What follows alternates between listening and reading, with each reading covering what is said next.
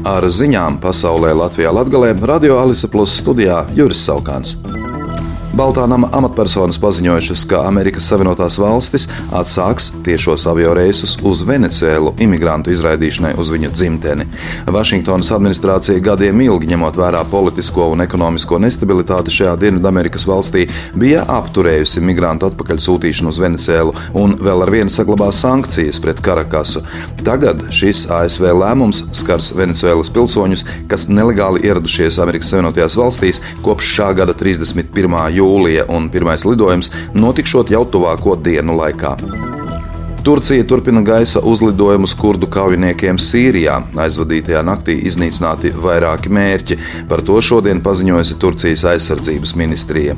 Turcija arī paziņoja, ka sadursmēs pie Turcijas armijas bāzes Sīrijas ziemeļos neutralizēti 26 kurdu kaujinieki. Pentagons vakar paziņoja, ka Amerikas Savienoto Valstu iznīcinātāji notriekuši Turcijas dronu, kas tika atzīts par potenciālu draudu ASV spēkiem Sīrijā. Turcijai, kā arī Amerikas Savienotajām valstīm un Krievijai, ir karavīri Sīrijas ziemeļos, un Turcija tur kontrolē plašas teritorijas. Lielu apgabalu gar Turcijas robežu kontrolē ASV atbalstītie Sīrijas demokrātiskie spēki, ko vada Sīrijas kurdu lielākais bruņotais formējums Tautas aizsardzības vienības. Ankara pieprasa, lai Sīrijas demokrātiskie spēki un Tautas aizsardzības vienības atstāja Turcijas pierobežu. Krievijas bruņoto spēku šī rīta apšaudē Harkivā ievainoti 29 cilvēki un divi nogalināti.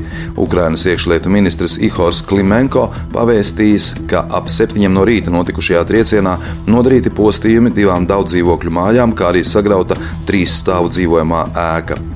Harkivas apgabala prokuratūra paziņojusi, ka pilsēta apšaudīta ar raķetēm Iskander M. Viena raķete trāpījusi ielas braucamajai daļai, izsitot līdzās esošo māju logus. Otra raķete trāpīja trīs stāvu dzīvojamajai mājai, kur izcēlās ugunsgrēks.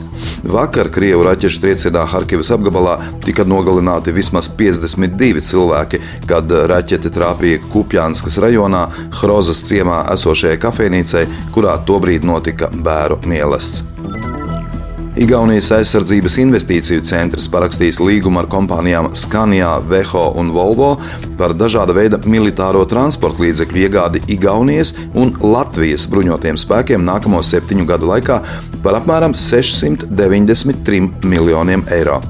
Iepirkuma konkursā bija apmēram desmit pieteikumu, no kuriem izraudzīti trīs.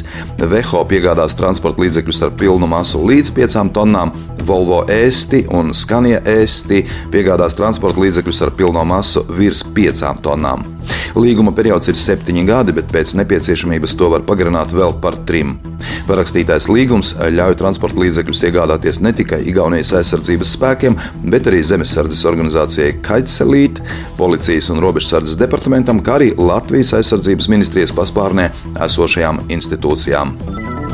Uz autoceļa A13 Krievijas robeža, Reizekne, Daugopils, Lietuvas robeža posmā no Kovališkiem līdz Rušiņicai naktī uz pirmdienu sāks darboties vidējā ātruma kontroles posms.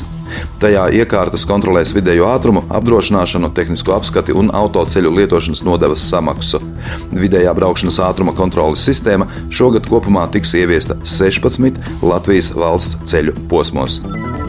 Šodien Daugopils teātrī notiek Ukrainas dramaturga Aleksēja Kuraļieha Lugas pamieris pirmizrāde. Luga tapusi 2017. gadā, un Kuraļiehu dramaturgu no Doņetskas šīs lugas uzrakstīšanai iedvesmoja reāli notikumi, kad 2014. gadā pamiera laikā abu karojošo pušu karavīri remontēja karadarbības rezultātā bojātos māju jumtus. Izrādes režisors ir Māris Korsiets, nākamā izrāde gaidāma piekdien, 13. oktobrī. Ar ziņām studijā bija Juris Saukāns par ziņu raidījumu Ziņas bez robežām pasaulē Latvijā Latgalē saturu atbildsijā Alise Plus projektu finansē Mediju atbalsta fonds no Latvijas valsts budžeta līdzekļiem.